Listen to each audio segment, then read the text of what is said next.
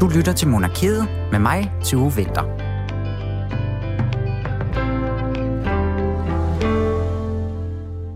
Rigtig hjertelig velkommen til Monarkiet her i en uge, hvor der i den, hvor der i den grad øh, sker noget på de indre fløje i kongefamilien, efter at dronningen hun jo meldte ud, at prins Joachims børn får frataget deres prinse- og prinsessetitler ved årsskiftet, og så ikke mindst de meget følelsesladede interviews, som den sårede og uforstående far til børnene efterfølgende har givet.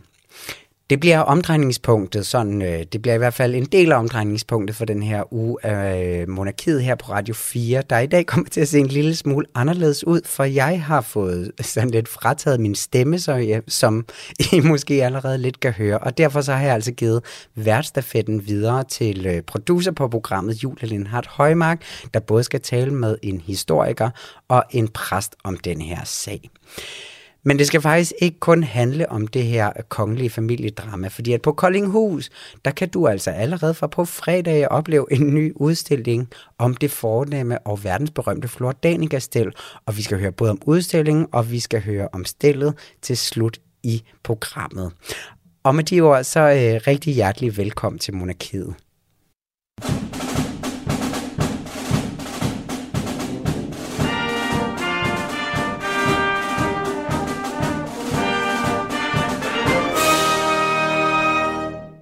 Og Julia Lindhardt Højmark, det har jo virkelig, altså, øh, det er virkelig en dårlig uge at med sin stemme i, når det både skal handle om øh, porcelæn, ja. som jeg elsker, og så at der faktisk virkelig øh, sker noget på den måde i kongehuset, ikke? Ja, men uh, Tu, jeg føler næsten mere med dig, end jeg føler med prins Joachim og børnene, fordi du lider da i den grad også et identitetstab i dag.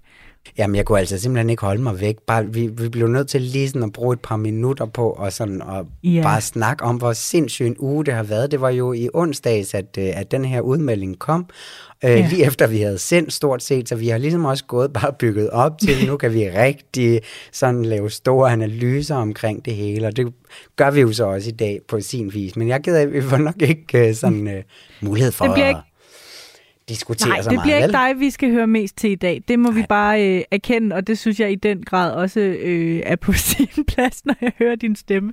Undskyld, det tager vi, der sidder sådan og griner af det. Ja, men det tror jeg også, der er flere lyttere, der, er, der måske er rigtig glade for, at de ikke skal høre en time på den her sådan, øh, skærebrænder øh, ting, der kører. Og lidt også Men en altså- teenager med en øh, stemme i overgang, ikke? Ja, Men ja. ja. det er rigtig også den vibe, jeg fik.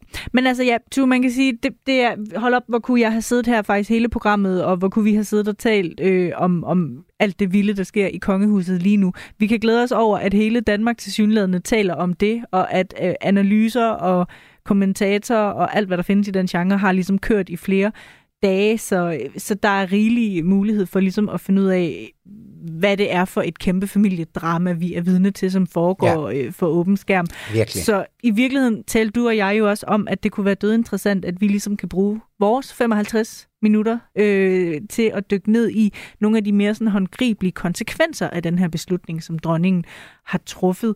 Ja. Øhm, og, og, og måske også prøve at forstå det her med, hvad det vil sige at lide et identitetstab, øh, som jo har været prins Joachims sådan helt store øh, forklaring omkring, hvorfor den her beslutning gør så Ja, ondt. og som har Øh, været svært nemlig måske for alle os andre at kunne sætte ind i, ikke? eller kunne Jo. se ind i. Ja. Præcis. Og, og man kan jo også bare lige hurtigt, hvis vi skal øh, tage det nyeste med i, i den her sag, så er det vel, at man mandag aften så øh, en udmelding fra dronning, øh, som nok efter de sidste mange dage har fundet ud af, at hun er simpelthen nødt til at forholde sig til, hvor meget den her beslutning fylder i mediebilledet mm. og i den almindelige sådan, offentlige diskussion.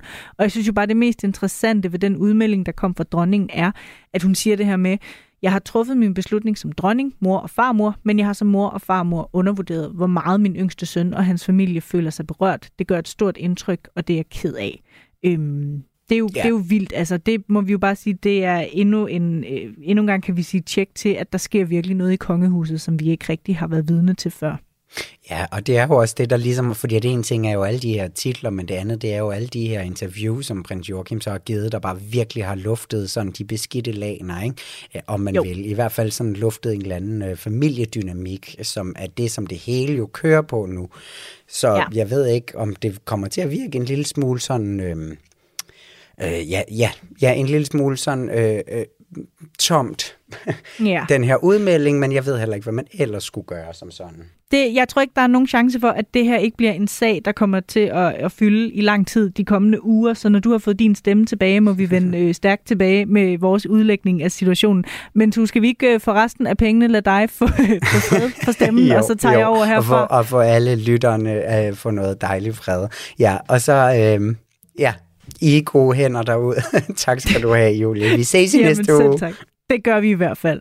I dag er en meget spændende dag, så jeg er sikker på, at de kan forstå, at jeg er en lille smule nervøs.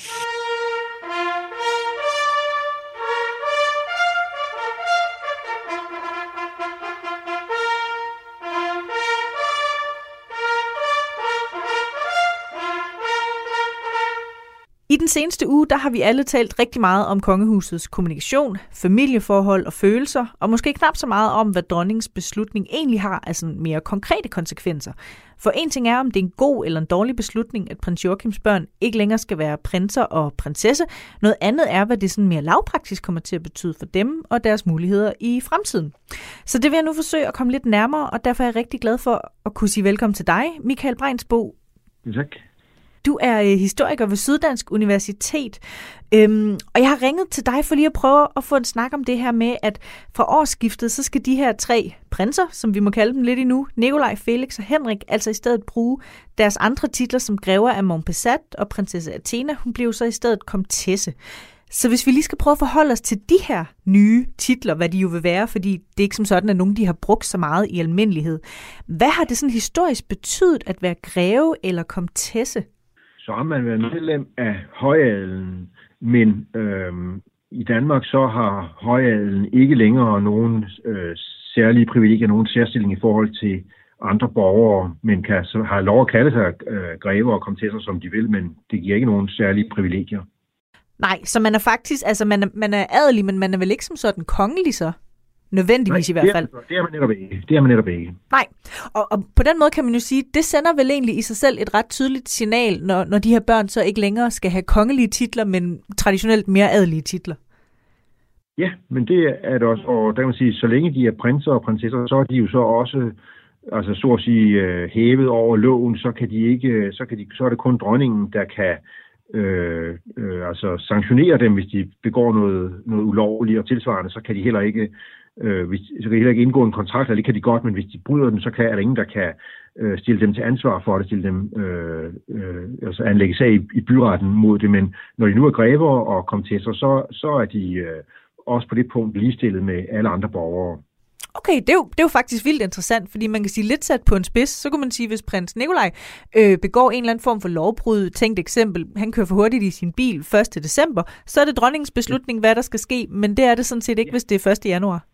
Øh, nej, så er han øh, for, øh, for egen for en almindelig borger, og så, og, og så har vi øh, myndighederne, der tager sig af, af det, den slags. Okay.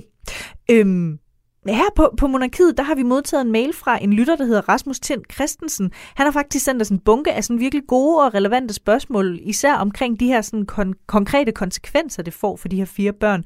Og han spørger også blandt andet, hvordan det kan lade sig gøre, at dronningen kan gøre sine børnebørn, øh, og det gælder jo dem alle otte, til grever og komtesser af et land, som ikke er en del af Danmark, fordi de jo er, øh, altså, er grever og komtesse af Montpessat, som er det her franske område. Øh, den kan jeg jo så sende videre til dig, Michael Breinsbo. Hvorfor kan hun egentlig det? Jo, Montpessat, det var jo øh, altså børnenes øh, farfar, prins Henriks øh, hjemsted. Og så kan man sige, altså, det er jo sådan set bare en, en, en titelgreve af, af Montpassat. Der er ikke nogen privilegier forbundet øh, øh, med det. Det er, altså, det, det, det er bare noget, de kan kalde sig, men det er uden, at øh, der er nogen som helst øh, konkrete privilegier, der følger med. Men altså, det er et område, som altså, deres farfar har haft tilknytning til og, og har haft navn efter, så, så, så, så det er derfor, de kan det. Så det er alene egentlig på grund af dronningens ægteskab med prins Henrik og hans familiære tilknytning til det her område, at de har den titel? Ja, men det er en titel, der, der, der jo altså ikke, øh, der kan være fint at pynte sig med, men den har ikke nogen som helst øh, konkret praktisk betydning. Nej, men altså kunne man, øh, hvis man nu forestillede sig, at øh, der var en, øh, at, øh, kong Charles i Storbritannien, han havde øh, et, et lille stykke land, eller en gård, eller ret over noget, øh, sådan konkret geografisk i Danmark. Kunne han så også bare gøre sine børn til øh, grever og komtesser af det område? Ja, det kunne han godt, men det ville ikke give dem nogen som helst særstilling i, i Danmark. Det ville bare være noget, de kunne rundt og kalde sig, og, og, og, men altså uden at der, der var nogen, noget som helst reelt indhold i det. Ja, og, og det her med, hvad man netop sådan ligger i de her titler, så tænker jeg også på, da, da man skulle finde en ny titel til den daværende prinsesse Alexandra, så blev hun i stedet grevinde af Frederiksborg. Ved du, hvad der lå bag valget af, at det lige blev Frederiksborg? Jeg ved ikke lige, altså tidligere har det været, altså, øhm, har det været grever og, og grevinder af Rosenborg, men det kan selvfølgelig være, at, øh, at altså understrege, at hun var fra, fra en anden gren af familien end dem, der, der er grever og Rosenborg. Så det, det, det kan være, det, det er derfor. Ja, og Rosenborg, det er jo så blandt andet Grev Ingolf, øh, øh, der har den titel nu, øh, ikke sandt?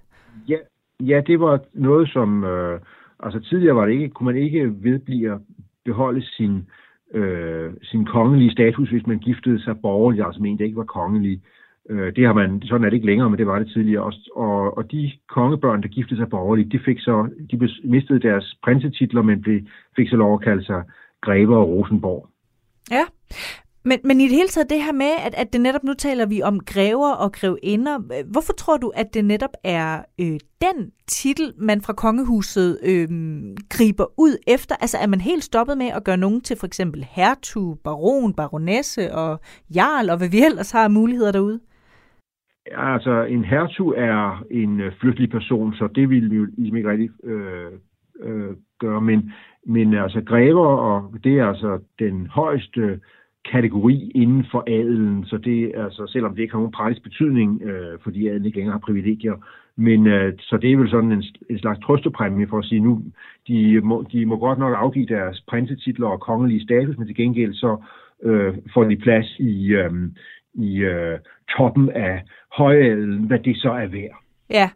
Set sådan fra et historisk synspunkt, øh, hvad ville du synes, det har været for et signal, hvis nu dronningen havde valgt at gøre de her fire børnebørn til for eksempel øh, baroner eller baronesser?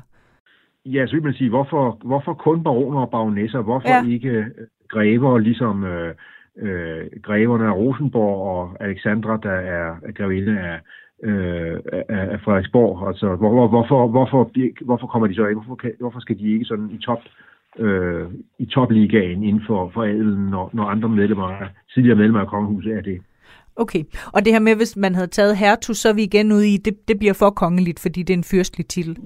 Ja, og der har også været nogle problemer med Danmark og hertugdømmerne gennem tiden, så det er nok, øh, det, det, vil, det vil nok være et meget dårligt signal. Mm, der er grever og sig på en eller anden måde, det er lidt sikre valg. Øhm, tror du, vi kan regne med, at det her så er nogle titler, de får lov til at beholde resten af livet? Altså, vil vi se en eventuel kommende kone til, lad os bare sige, prins Nikolaj blive greve inde af Montpessat? Ja, det, ja, altså, mindre han selv vælger at frasige sig grevetitlen, så, så, øh, så altså, nu kan altså, adelige kan godt gifte sig med, altså adelsmænd kan godt gifte sig med, med borgerlige, og så bliver, øh, bliver hustruen øh, altså adelig, og i tilfælde, altså øh, prins Nikolajs hustru vil så blive grevinde. Det, det øh, skulle der ikke være noget til hænder for. Nej, okay. Og igen det her med, hvis man bare lige skal prøve at forstå, jamen, altså, adelen fylder jo ikke så meget øh, i Danmark i dag, som den har gjort historisk. Nu hører vi det også sige, at det har ikke nogen sådan praktisk betydning. Altså, det er i går så en bare en pyntetitel. Hvad er i det hele taget ja. meningen med den fra dit perspektiv? Altså med så at have den her titel? Ja, altså, der, altså, der er sådan adelslægter, der har det sådan af historiske grunde, at uh, nogle af deres forfædre sin tid er blevet adlet, og så kan de føre øh, slægten og, og titlen videre, og så, og så når det gælder prins Joachims børn, så er det altså for at sige, nøj, så er det altså, en, som jeg sagde, en trøstepræmie for, øh, for at miste deres kongelige status, så får de dog trods alt status som i toppen af, af adelen, øh, så er de altså ikke sådan bliver helt, øh, helt udstødt, men altså det er en titel, der ikke længere, der ikke giver privilegier. Mm. Ja, for jeg tænker også, det har jo hele tiden været planen, at prins Joachims børn ville miste deres titel som, som prins eller prinsesse den dag, de eventuelt gifter sig. Så øhm, hvis vi nu leger med et andet tænkt eksempel, at prins Felix bliver gift med en prinsesse fra udlandet, som altså har lov ja. til at, at give den titel, om jeg så må sige, videre til sin mand. Vil han så godt kunne blive prins af et andet land og have børn, der blev prinser og prinsesser? Det kommer an på, hvad der gælder øh, af lovgivning i, i, i det pågældende land. Det kan jeg ikke sige noget øh, generelt om. Nej, Øh, man kan jo så også sige, uanset hvad man mener om dronningens beslutning, er, er du så enig i sådan den præmis, der handler om, at der følger nogle sådan særlige forpligtelser med titlen som, som prins og prinsesse? Ja, det gør der. Både forpligtelser, men også privilegier. Og øh, nu kan man sige, med alle de øh, prinser og prinsesser, der er, altså også inklusive kronprins Frederiks yngre børn, så kan man sige, at det vil, øh, det vil blive for meget. Altså så mange øh, Øh, snoreklipper er der ikke brug for, så, så, det, så, så, så altså, det var nødvendigt at øh, trimme kongehuset for at sige, at de kan, at, at så mange øh, prinser og prinsesser, der bliver forsørget af, af, af hoffet, det har vi simpelthen ikke. Øh, øh, det bliver for meget. Det, vil, det kan risikere at skade øh, opslutningen til monarkiet. Ja, men nu siger du også netop det her med, med altså, pengeaspektet på en eller anden måde. Altså det har jo hele tiden været øh, tanken, og er også sådan allerede i praksis, at hverken øh, Felix eller Nikolaj, som jo er de to af børnene, der er voksne og myndige, de modtager ja. ikke af panage. Så har det egentlig, altså det, at de så er prinser, har det nogen konkret betydning i forhold til, hvad, hvad man kan stille af krav til dem? det ligger vel ligesom i det, at når man er øh, prins og er medlem af kongehuset, så skal man stille op øh, til diverse royale begivenheder, og, og man bør også sådan altså måske engagere sig som protektor for en, en, en uh, godgørende organisation, eller, eller hvad. Og der kan man sige, hvis de bare, altså nu, nu får de jo ikke apanage, men ellers kan, så, så der man sige, ellers, at de skulle have fundet arbejde under omstændigheder. Og man kan selvfølgelig sige, at det kunne måske, altså i visse, øh, der kan være visse arbejdsgiver, kunne være interesseret i at have ansat en, en prins, fordi det, det kunne altså bringe, give reklame til den pågældende virksomhed, eller, eller, eller sådan. Men altså, det er ikke nok, at det er besluttet, at de skal ikke have apanage, også heller ikke, hvis de beholdt prinsetitlerne, så de havde skuldt altså øh, til at finde en borgerlig tilværelse og forsørge sig selv, ligesom alle andre mennesker. Ja, det er det, jeg jo i hvert fald tænker, når det hele tiden har været planen, at de ikke har skulle leve af at være kongelige. De har skulle, som du siger, forsørge sig selv, tjene deres penge andet sted. Vi ser også, at, at, at de to prinser her begge valgte at droppe ud af militæret øh, efter relativt ja. kort tid, selvom det vel egentlig også strider med traditionen i kongehuset. Ja. Så jeg kan ikke lade være at tænke, de er jo sådan set, eller har jeg i hvert fald haft opfattelsen af, de har vel allerede været meget frie til at træffe deres egne beslutninger, fordi det på en eller anden måde hænger sammen med apanagen. Så jeg tror, det er meget svært at forstå, hvad den her titel egentlig har haft af konkret betydning for deres øh, individuelle frihed. Ja, Altså, mm, det, det, altså, det, det er, altså, titlen har vel mere været sådan, at det er en del af dem, det er en del af deres identitet, det er, det, det, det er jo nærmest deres navn, kan man sige, og det tager man så fra, det er svaret til, at man tager, altså det må jo svare til, at nogen kommer til efternavnet fra, fra nogle af os, så vil vi også føle os lidt, øh, altså, vi, vi, vi føler, at vi, at vi havde mistet en stor del af vores identitet. Men, øh, men altså, øh, og, men det er jo nok her mere, måske også mere et spørgsmål om, hvor at det er gået, at det er, beslut, det er blevet besluttet hen over hovedet på dem, og til mm. synlædende, øh, hvor de havde fået noget andet at vide først, nemlig at det først var, når de fyldte 25 år. Ja. Lige her som noget af det sidste, vil jeg også gerne spørge dig øh, i, i forhold til nogle af de her sådan, konkrete konsekvenser, det får. Lige nu er der en forventning om, at vi snart skal til folketingsvalg. Vil man i fremtiden kunne møde Nikolaj og Felix ved valgurnerne, nu hvor de hverken modtager apanage eller har kongelige titler?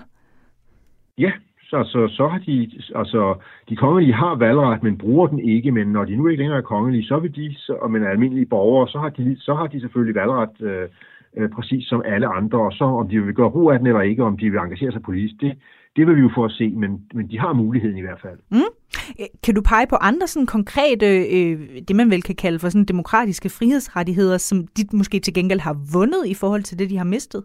Øh, ja, altså de vil jo kunne øh, altså indgå øh, kontrakter og så altså blive, blive draget til ansvar, hvis de ikke øh, holder øh, kontrakterne. Der, skal de, der, der kan de blive draget til ansvar ved de almindelige domstole. Det vil sige, at folk kan indgå kontrakter med dem og vide, at, at skulle de bryde dem hjem, så har man retssystemet til at sørge for, at der kommer orden i, i den sag. Det er ikke længere noget, som hvor det kun er dronningen, der, der, der kan afgøre, hvad der skal, øh, øh, skal øh, ske der, ligesom de så altså øh, også så bare kan leve en anonym lønmodtagertilværelse. De skal ikke stille op sådan ved statsmiddag eller, eller andre begivenheder. Man kan sådan set bare øh, altså være, øh, være sig selv leve øh, øh, altså uden for offentlighedens søgelys, i hvert fald altså i princippet. Det kan selvfølgelig mm. godt være, at at der for, medierne fortsat interesserer sig for dem, også når de nu leve, kommer til at leve en anonym lønmodtagertilværelse. Ja, ja det er sjovt det her, du siger med lønmodtagertilværelse. Jeg kommer også til at tænke på sådan noget lavpraktisk som øh, at betale skat om de skulle det. Og der kunne jeg da i hvert fald øh, læse ind på Skats hjemmeside, at øh, der står, at kongehuset er fritraget, øh, fritaget, fra, øh, fritaget for at betale skat.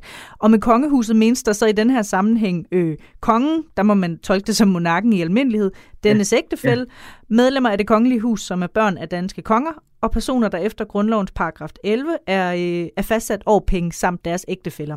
Så kort opsummeret, ja. det er jo ikke øh, noget, der gør sig gældende længere for nogle af Joachims børn. Nej, så skal de skal til at betale skat. Ja. Det, er, det, det er i hvert fald en, det er en konsekvens af, af, det, af, de mister prinses- og prinsessetitlerne. Ja, og kan man sige bare helt kort her til sidst, Michael Breinsbo, øh, skal, vi, øh, skal vi stadig overhovedet betragte de her børn, prins Joachims børn, som en del af kongehuset, sådan rent formelt?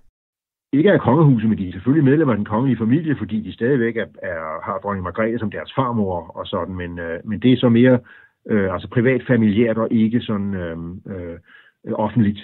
Michael Breinsbo, historiker på Syddansk Universitet. Du skal have tusind tak for din tid. Jo, velbekomme da.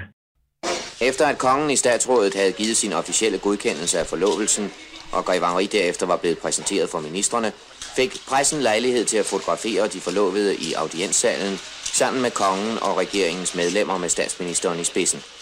Og der blev taget billeder i tusindvis.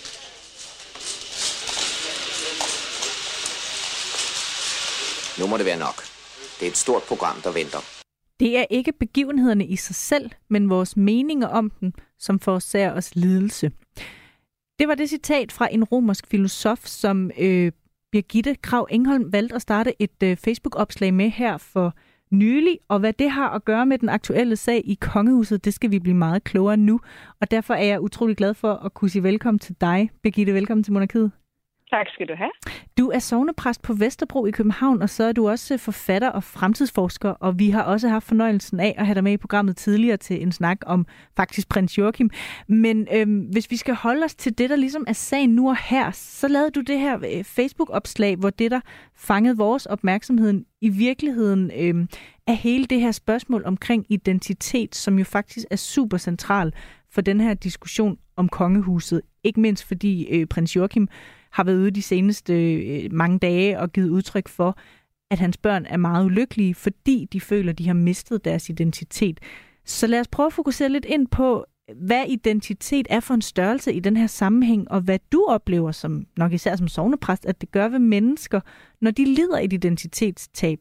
Øhm, jeg prøver lige at fortsætte her. Altså efterfuldt af det uh, citat, som jeg læste op i starten, der stiller du spørgsmålet om det er det, at prins Joachims børn har mistet deres titler, der forårsager lidelse, eller om det nærmere er det, de tænker om, at de har fået frataget deres titler.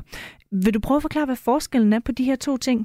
Ja, det er jo et gammelt citat fra år 49. En af historikerne, Epiktet, har udtalt det her. Øh, og jeg vil sige, det var en sandhed, som galt på hans tid, og det er en sandhed, som gælder i dag også. Og jeg synes måske nok, at det er noget af det, som man har overset i den her øh, debat omkring øh, titlerne, som, øh, som de er blevet frataget øh, Joachims børn. Og ikke mindst er det noget af det, som øh, dronning Margrethe også har undervurderet. Hun siger det jo lidt i går, at hun måske nok har undervurderet deres reaktion. Men det er noget, der både er blevet overset og undervurderet, at det egentlig ikke er titlerne i sig selv, der er problemet her. Men det er den måde, som Joachim har været øh, i sit liv, i hele sit liv på, der faktisk er øh, problemet her. Og dermed den måde, han tænker omkring de der titler. Og man må sige, Joachim er jo ikke født som os ind i et liv, hvor vi har stor grad af frihed til at vælge til og fra. Han er sat ind i livet som øh, prins. Han har taget den her skæbne på sig. Han har taget historien, han har taget slægten, han har taget en rollen på sig. Og det vil sige, det her har været med til at skabe hans identitet, og det er det, han selvfølgelig også har givet videre til sine børn. Så når det bliver taget fra ham, så er det egentlig ikke selve øh, titlen i sig selv, men det er den identitet, der er knyttet til det, og den måde, han tænker omkring sig selv, den måde, han forstår sig selv som menneske på. Og det synes jeg simpelthen, at man har overset i debatten, og jeg synes, at dronningen har undervurderet det. Ja. ja, og som du også selv siger, det har hun jo, jeg vil lige vil sige heldigvis, også selv nu været ude offentligt og erkende, at hun har, og, og det har jo nok været en formidlende omstændighed for mange. Øhm, men, men det her med, altså det filosofiske spørgsmål, du, du selv rejser, hvad tænker du er svaret på det? Altså, øhm, hvad, hvad er det, det gør ved dem, at de øhm, får frataget deres titler på den her måde? Jamen, jeg tror helt dybt ned, så er vi mennesker jo, når vi kommer til verden, ikke noget i os selv. Øh, Søren Kierkegaard siger, at vi bliver født som muligheden for at blive menneske. Og når man så triller afsted øh, som det væsen, man er, og, øh, og lige så langsomt bliver til undervejs, så får vi en identitet. Og med prins Joachim, øh, vil jeg sige, der har det jo været meget, meget, meget tydeligt, at han langsomt, som han er trillet op igennem årene, øh, er et produkt af den historie, han er. Han er et produkt af den slægt, af de relationer, af de forventninger, af alt det, der er omkring ham. Og, øh, og jeg synes, det er, jeg synes, det er øh, jamen jeg vil næsten sige, jeg synes, det er svært at se på, hvordan at man øh, forfladiger den her diskussion til bare at handle om titler, for titlerne i sig selv øh, er ikke problemet. Problemet er den identitet, der er knyttet til de her titler. Og når man som prins Joachim oplever det, har fået tæppet trukket væk under sig på den her måde, ja, så er der jo noget identitet, som han, øh, som han mister, eller som han i hvert fald synes, han mister i den her debat. Så det med at få trukket tæppet væk under sig, øh, synes jeg er lidelsen i det her, og jeg forstår den så godt. Mm. Men man kan måske også sige, hvis man skal prøve at vente den om, at den her titel er jo måske en, de i hvert fald i praksis har skulle vende sig af med, fordi ingen af Joachims fire børn har det nogensinde været planen, at de skulle leve af at være kongelige. Så kunne man ikke også sige, at vi måske har gjort dem en bjørnetjeneste ved, at de i så mange år har haft en lidt overfladisk identitetsmarkør i forhold til det liv, de skulle leve? Altså, jeg synes jo faktisk, prins Joachim siger det meget, meget smukt, at øh, der har været tale om, at de på et tidspunkt skulle, øh, skulle afgive de her titler. Så på et tidspunkt har de vendt sig til, eller på det tidspunkt ville de da have vendt sig til, at nå, nu er det sådan her, det er. Mm. Men når man sådan, ikke med et knips, men med fem dages varsel får trukket det her tæt væk under sig, så sker der altså noget helt andet. Og det gælder jo for os alle sammen. Jeg har haft nogle sammenligninger også, øh, tænker jeg, fra mit eget præsteværelse, ja. hvor jeg kan se, hvad det egentlig er, det gør ved os. Ikke at der sker noget for os og med os, hvis vi har forventet det. Men når der sker noget, der er så pludselig og uventet, som det er her, så gør det altså noget ved os. Og når det så oven i købet sker, vil jeg næsten sige, fra den, som han burde have størst tillid til, nemlig sin egen mor, så, øh, så gør det voldsomt ondt.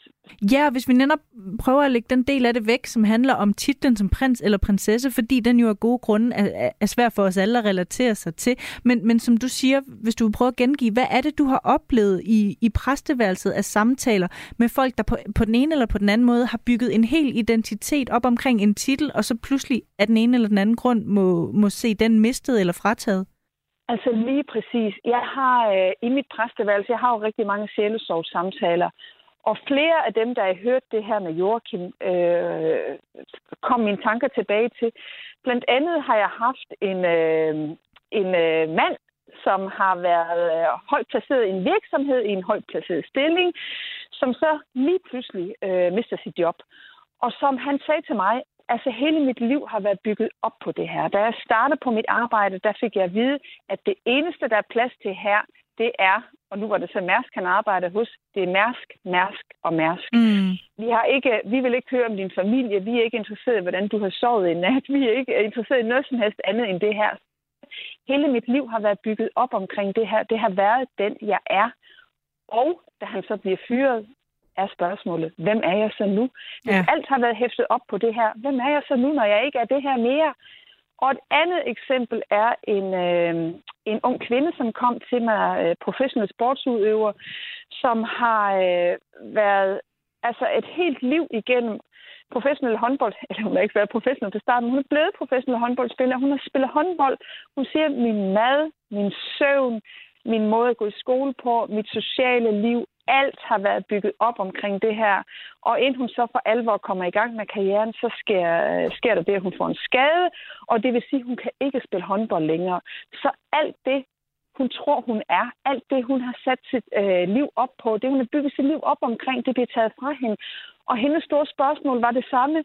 Jeg ved simpelthen ikke, hvem jeg er, hvis ikke jeg kan spille håndbold og alt omkring hende har været hæftet op på det her, ikke?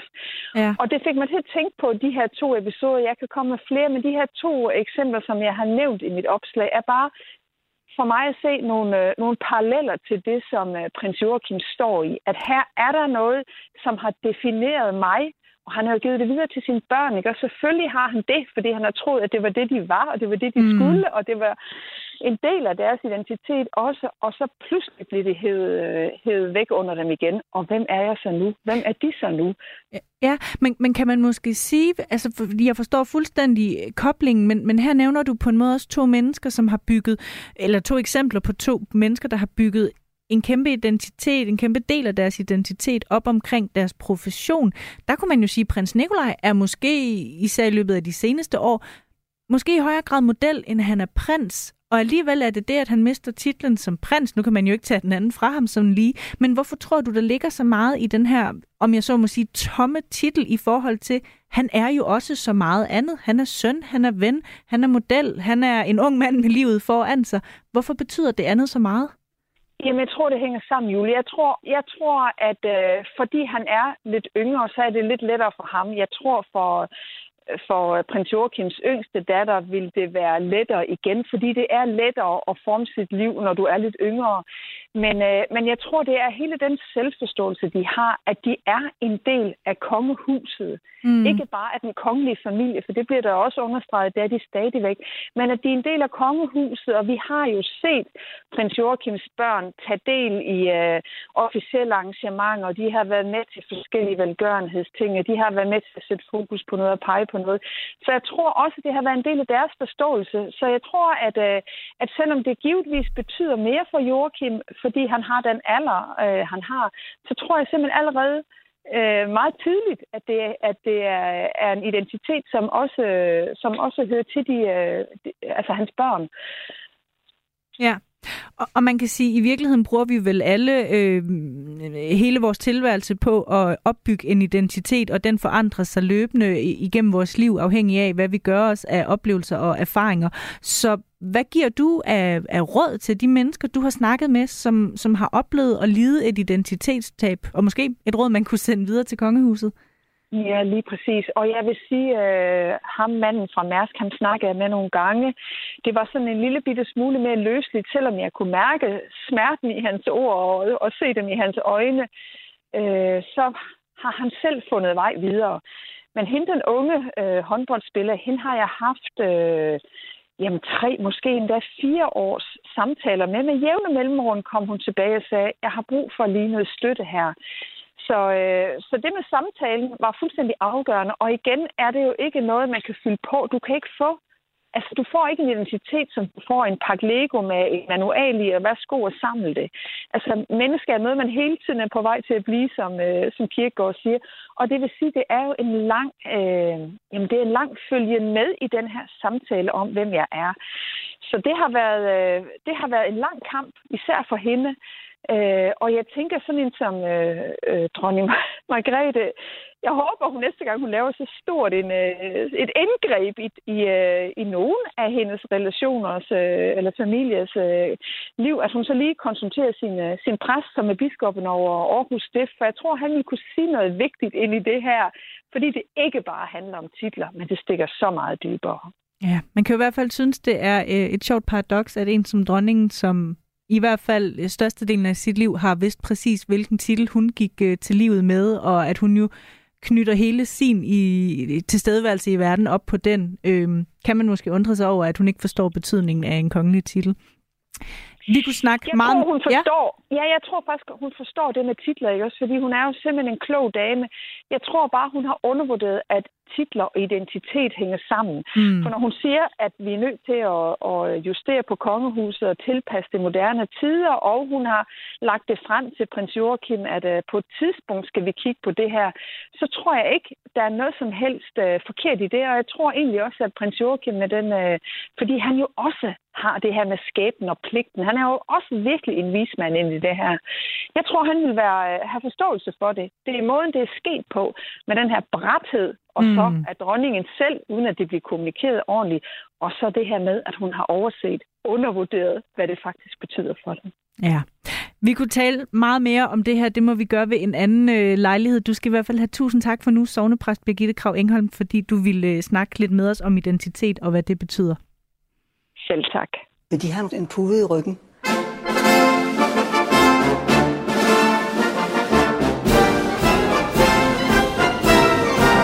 Hvis de vil, så har jeg sagtens lånt dem en pude. Og det vil jeg vældig gerne have. Øh, hvor, hvor er mine møbler blevet? Nej. Jeg men tror, lad os bare sige, det er meget nødt at sidde på en pude. Hvis Jamen, det er bestemt ikke Og det er til ryggen, vi jeg tænker. simpelthen for... Og tusind tak. Jeg synes, det kunne, jeg kunne se, at de følte dem lidt langt tilbage. Det er rigtigt nok, øh, men jeg troede, jeg skulle sidde på en pude. Det nej, nej, nej, nej, nej, nej, nej.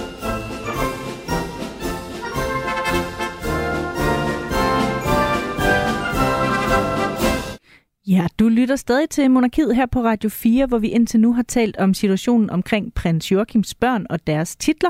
Mit navn er Julie Lindhardt Højmark, og jeg har i dag fået lov til at låne værtsstolen af Tue Vinter, som til gengæld vender stærkt tilbage igen i næste uge.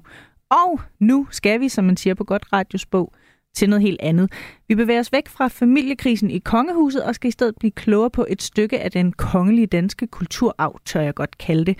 For nu skal det nemlig handle om en ny permanent udstilling, der åbner i overmorgen den 7. oktober på Koldinghus.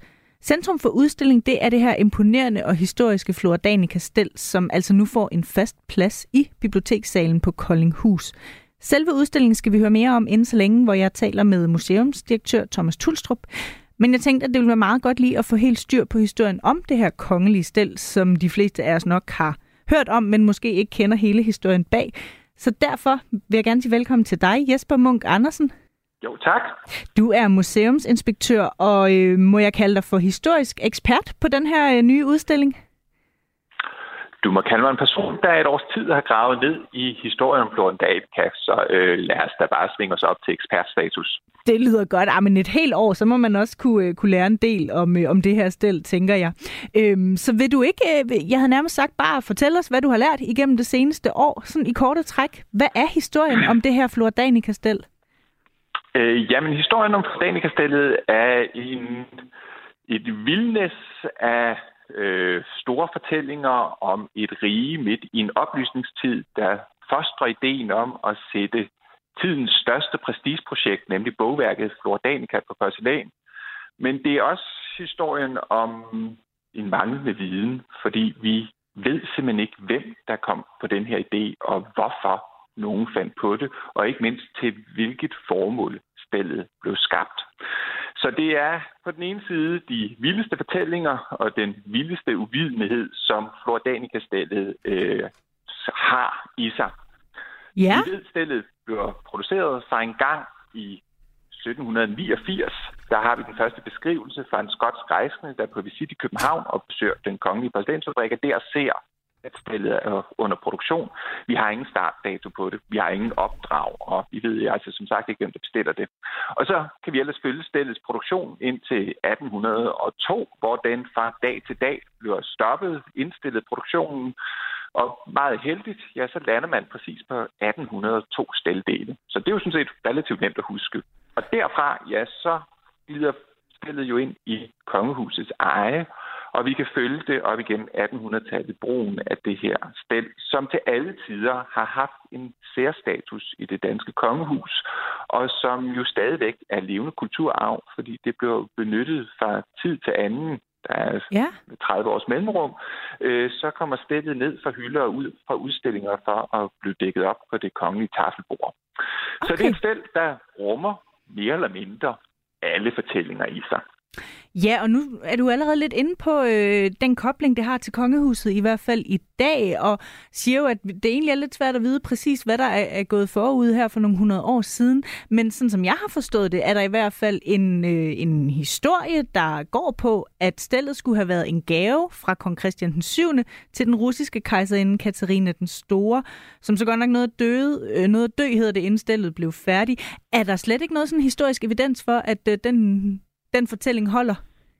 Altså, den fortælling kan vi ikke spore arkivalisk, hverken i kongehuset, i Udenrigsministeriet eller i porcelænsfabrikkens arkiver, hvor vi i udgangspunktet må forvente, at sådan en, hvis det havde været det, der var formålet med stillet, at de vil have sat sig spor. Der er ingen opdrag fra kongehusets side, der er ingen korrespondence med den danske udsending i St. Petersborg, der er heller ingen dialog med Katarina den Store omkring stillet, hvilket ellers var normal praksis i 1700-tallet, når vi kommer til sådan diplomatiske gaver, ja. hvilket fortællingen om Katarina den Store jo er knyttet op på, at det skulle være en diplomatisk gave fra det danske kongehus til Katarina den Store. Hvis det havde været det, så var man efter gode spilleregler i 1700-tallet, så havde man sørget for at få øh, indhentet et ja fra Katarina den Store. I 1700-tallet er der ingen, der synes, surprise-gaver er nogen specielt henrivende størrelse. Man vil gerne vide besked. Der er ingen korrespondence i det. Så på den måde kan jeg sige, der er ikke noget, øh, der peger retning af, at det skulle være tilfældet, at stedet var ja. skabt til hende. Og så dog, fordi vi kan følge den her historie faktisk helt tilbage til øh, stedets produktion, fordi i tyske aviser, der breder fortællingen om Flordanica stillet sig i sommeren 1790. Vi kan simpelthen følge den fra avis til avis ned igennem Tyskland. Starten i Hamburg, hvor man i juni måned beretter om, at man på den danske præsidentsfabrik i København er i gang med at lave det her storslåede, grandiøse stel med den danske flora. Og der står til slutvis, at stellet må være skabt, eller må være tænkt til en stor monark. 14 dage efter, der gentages nyheden i Kølen i en fransksproget avis i Køln, og der står der lige pludselig, at stellet er uden tvivl skabt til Katarina den Store. Så det er simpelthen nogle fortællinger, der er blevet skabt, fordi det her stel har været så ekstraordinært, at så er det måske også på den måde, den her historie så er opstået? Altså, det, vi kan ikke vide det. Altså, jeg, jeg vil virkelig gerne have brugt et år på at simpelthen kunne sætte to fasestreger ja. under øh, de her 1802 stendele og sige, det er sådan, det er her skabet står. Men øhm, det er ikke lykkedes mig, ligesom det ikke er lykkedes min forgænger, der har undersøgt stillet, og det vil den, indtil den dag, hvor vi finder på bagerste hylde i en nederste skuffe øh, øh, dokumentet, der afklarer det hele, så forbliver det altså en gåde, hvem det er skabt til.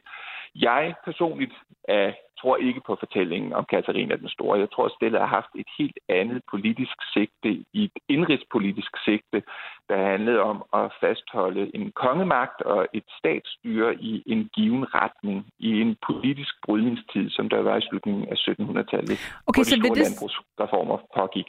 Vil det sige, at man, man kan efter din bedste overbevisning godt spore det tilbage til kong Christian den 7., men ikke med fortællingen omkring, at det skulle have været en gave til Rusland af nogle diplomatiske grunde? Ja, altså der er jo ikke nogen... Der, den første, øh, der får lov til at spise af stillet, det er selv samme Christian den 7. Ja. Øhm, så stillet ender på hans tafelbord. Om stillet var påtænkt at skulle inde på hans tafelbord, det kan jeg ikke vide. Jeg har, øh, jeg, det har jeg ikke fundet belæg for. Jeg har fundet indikationer, der peger i retning, synes jeg, på, at stillet er skabt til kongehuset. Øh, kongehuset tager også ejerskab af stillet op igennem 1790'erne. Der kan vi se, der begynder kongehuset at øh, og, og diktere, de udvider for eksempel stillet for 80 til 100 kuverter på et tidspunkt. Det er kongehuset, der går ind og gør det. Så på det tidspunkt må de have ligesom i på krogen og sagt, at stillet det er vores. Øhm, så jeg tror personligt, at ja, det egentlig er et, et initiativ, som mm. måske porcelænsfabrikken selv har fundet på. Øhm, de har skulle øh, promovere sig. Det er jo en nyetableret porcelænsfabrik, vi har i København. Den startede i 1775. Øh, og det her det er deres første sådan virkelig store stel. Og er det øhm, derfor, altså er, er alle de stel, havde jeg sagt, man kunne vælge fra, øh, fra kongens side, hvorfor er det så netop det her stel, der finder vej til kongehuset og formår at byde sig fast igennem så mange år? Jamen, jeg tror, det er et spørgsmål om, at stillet både kvæg sin volumen, det er det største taffelstel, som den kongelige porcelænsfabrik nogensinde har skabt til 100 kuverter i skabt til den franske servering. Så i sig selv sin volumen og i sin storslåethed, det er jo, altså det er jo pragt og prestige sagt, sat på porcelæn, vi har at gøre med. Og så det, at stedet kobler sig op til en given tids tanker og tidsånd. Flordanica-stillet er simpelthen på mange måder sådan fuldstændig indbegrebet af dansk oplysningstid. Gennem stillet, der får vi simpelthen hele tankesættet, hvad det er for en stat, man ønsker at skabe i perioden, præsenteret på det her skrøbelige, fine porcelæn, som jo egner sig på fantastisk vis til at dække et tafelbord til et kongetafel. Så jeg tror, at det er en kombination af tidsånd, af politiske intentioner, og så det, at stillet er så grandiøst og så Mm. storslået, så er det næsten svært at sige nej til. Vi har andre eksempler fra perioden. Det med, at hvis du bare hvis du er stor nok i slaget, øh, og hvis det ser for godt ud, så kan kongehuset næsten ikke undsige sig og, øh, og, og erhverve det. Så, øh, så det, det kan være den tankegang, der har ligget bag. Men altså, det er igen, det er jo en teori blandt mange, fordi Ja. kilderne er tavse, når det kommer til det. Ja, det er frygteligt, Der der, er- ikke er bedre kilder på sådan noget vidunderligt porcelæn, men hvis man skal... Jamen, det gået jo, hvordan... Altså, man Ja. tænker jo, at så stort et stel må have affødt kilometervis af øh, arkivalier. Øhm, og så sidder man der på Rigsarkivet og bladrer forgæves, og der er ikke så meget som et komma, der Nej. skal her til Florida. Det kan i hvert fald ikke før op i 1790'erne, hvor optællingen begynder. Men det her med, nu- er du inde på det her med, med tidsånd. Øhm, hvorfor øh, tænker du, at det er øh, planter, man har valgt at, øh, at dekorere porcelænet med? Hvordan taler det ind i det her, øh, i det her oplysningsideal? Jamen altså, de, de fleste af os, og det er også min indgang til Jordanica-stillet, det er, at øh, det er mangfoldighed og biodiversitetens øh, sådan arnested. Det er en hyldest til den danske flora. Det er Flordanica. Porcelænet af bogværket, det er det skabt som, som en tanke som, men det er ikke som vi i dag forstår dansk flora, som noget, der skal lov til at vokse og have sin egen ret på jord.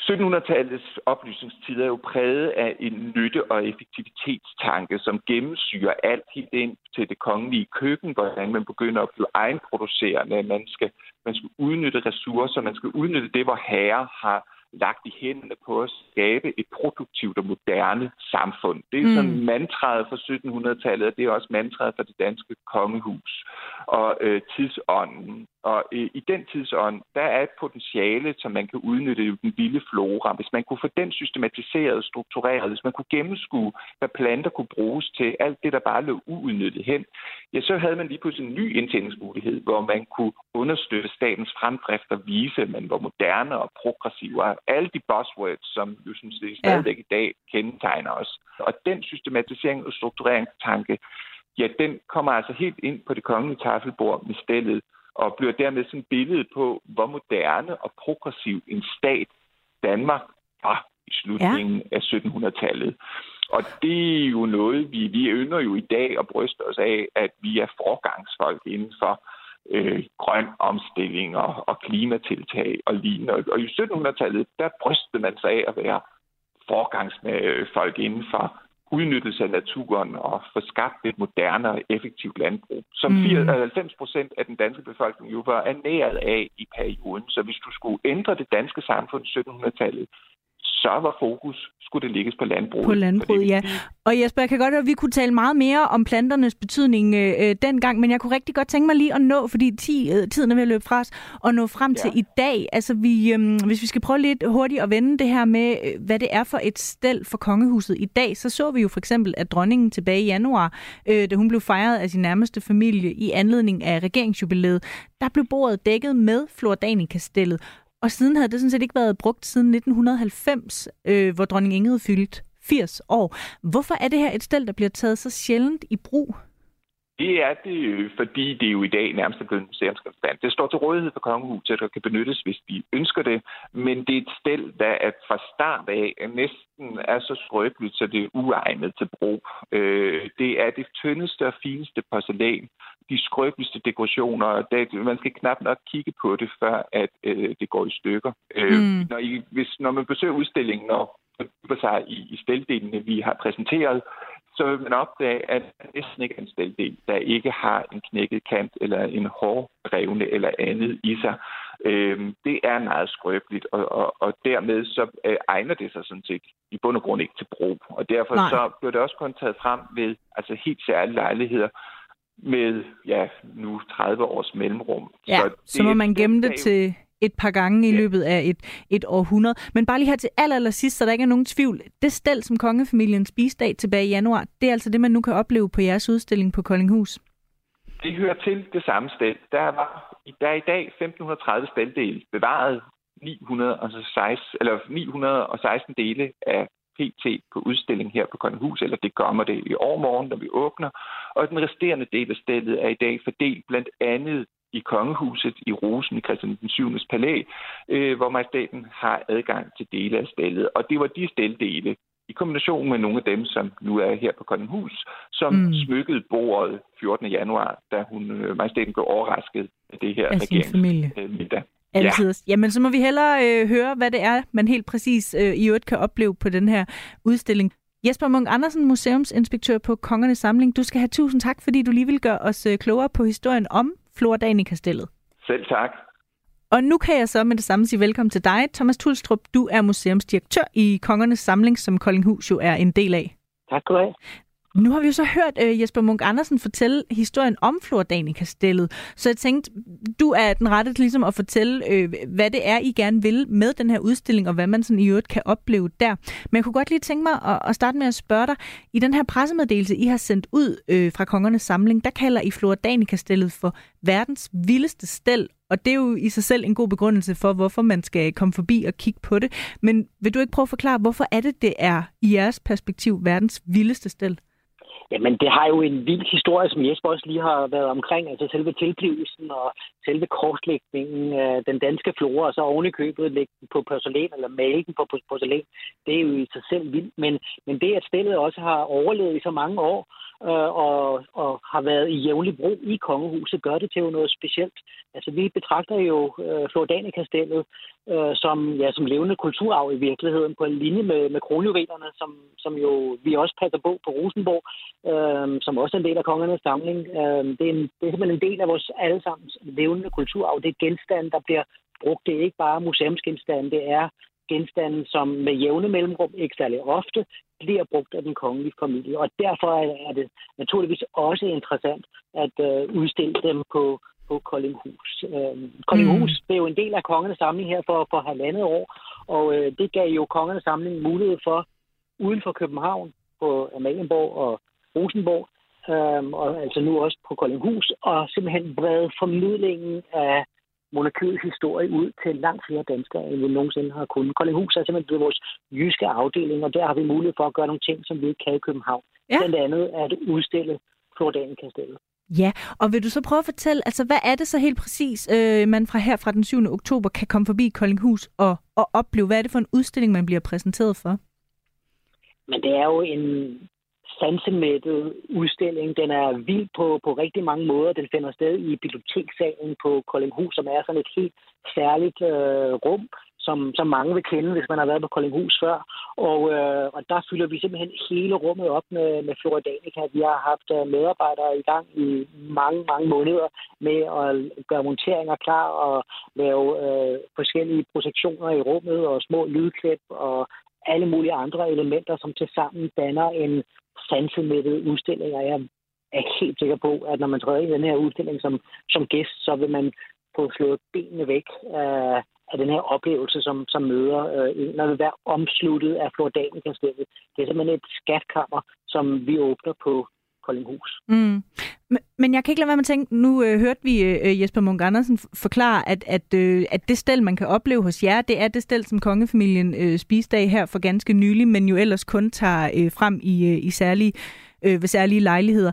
Men jeg tænkte bare på, altså forudsat, at jeg nu havde penge nok, så ville jeg jo godt som privat person kunne gå på nettet eller ind i en Royal Copenhagen butik og købe noget Flordanica porcelæn. Selvfølgelig ikke det, der bliver udstillet, men noget af samme serie, mm. eller hvad man kalder det. Så hvad er i virkeligheden forskellen på det sted, jeg som, besøg, jeg som besøgende kan opleve på udstillingen, og det, man i virkeligheden kan gå i en butik og købe?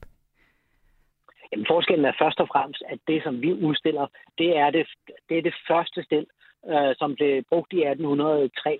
Øh, og det har vi simpelthen, øh, kongefamilien har, har bevaret det lige siden da. Og øh, der er selvfølgelig noget forskel i forhold til malerteknik og så videre, men, men det er simpelthen det, som, som kongefamilien har brugt i så mange øh, hundrede år. Og, øh, mens det, der øh, bliver produceret i dag, jo stadig er fint, og det er de samme teknikker og de samme øh, modellering, der finder sted, men det er jo nyt. Øhm, mm. Så man kan sige, det, det, er, det er brugen af det, der, der er forskelligt, hvor vi simpelthen udstiller det, som, som tilhører kongefamilien, der har tilhørt den samme familie i flere hundrede år. Ja, det I udstiller det, der er lidt øh, ramponeret og ridset? Altså, det, der har været brugt, øh, og jo, det har været øh, brugt, så dermed er det også noget af det lidt ramponeret, øh, eller i hvert fald rigtigt. Ja, mm. det er sådan er det. Bare lige her til allersidst. Øh, nu ved jeg jo ikke, hvor meget man egentlig i udlandet går op i sådan noget. Jeg ved, at Royal Copenhagen jo selvfølgelig også er et brand i udlandet. Men er det kun her, også her i Danmark, der sådan, jeg vil lige vil sige, går helt på røven over det her stel? Eller er det også noget, I forventer, at øh, udenlandske gæster vil synes er interessant at opleve? Botanica-stellet er jo berømt i hele verden. Altså, Elton John er en stor samler af det her stel. Øh, Oprah Winfrey har også øh, købt øh, store mængder. Det er et sted, som er berømmet i hele verden, så vi forventer, at også udenlandske gæster vil finde vej til Koldinghus for at se det her verdensberømte sted. Det er et meget, meget kendt sted ude i den store verden. Det er, som I selv skriver, verdens vildeste sted. Og Thomas Tulstrup, du skal have tusind tak, fordi du lige vil øh, gøre os en lille smule klogere på, hvad man kan opleve. Og så er det jo bare med at komme afsted til øh, Koldinghus og, øh, og selv erfare resten derfra. Tak for din tid. Selv tak. Og tilbage er der i det hele taget kun at sige tak for i dag. Monarkiet er selvfølgelig tilbage igen i næste uge, som sædvanligt med Tue Vinter som vært og med en quiz, lover jeg også, der er igen fra næste uge. Tak for i dag.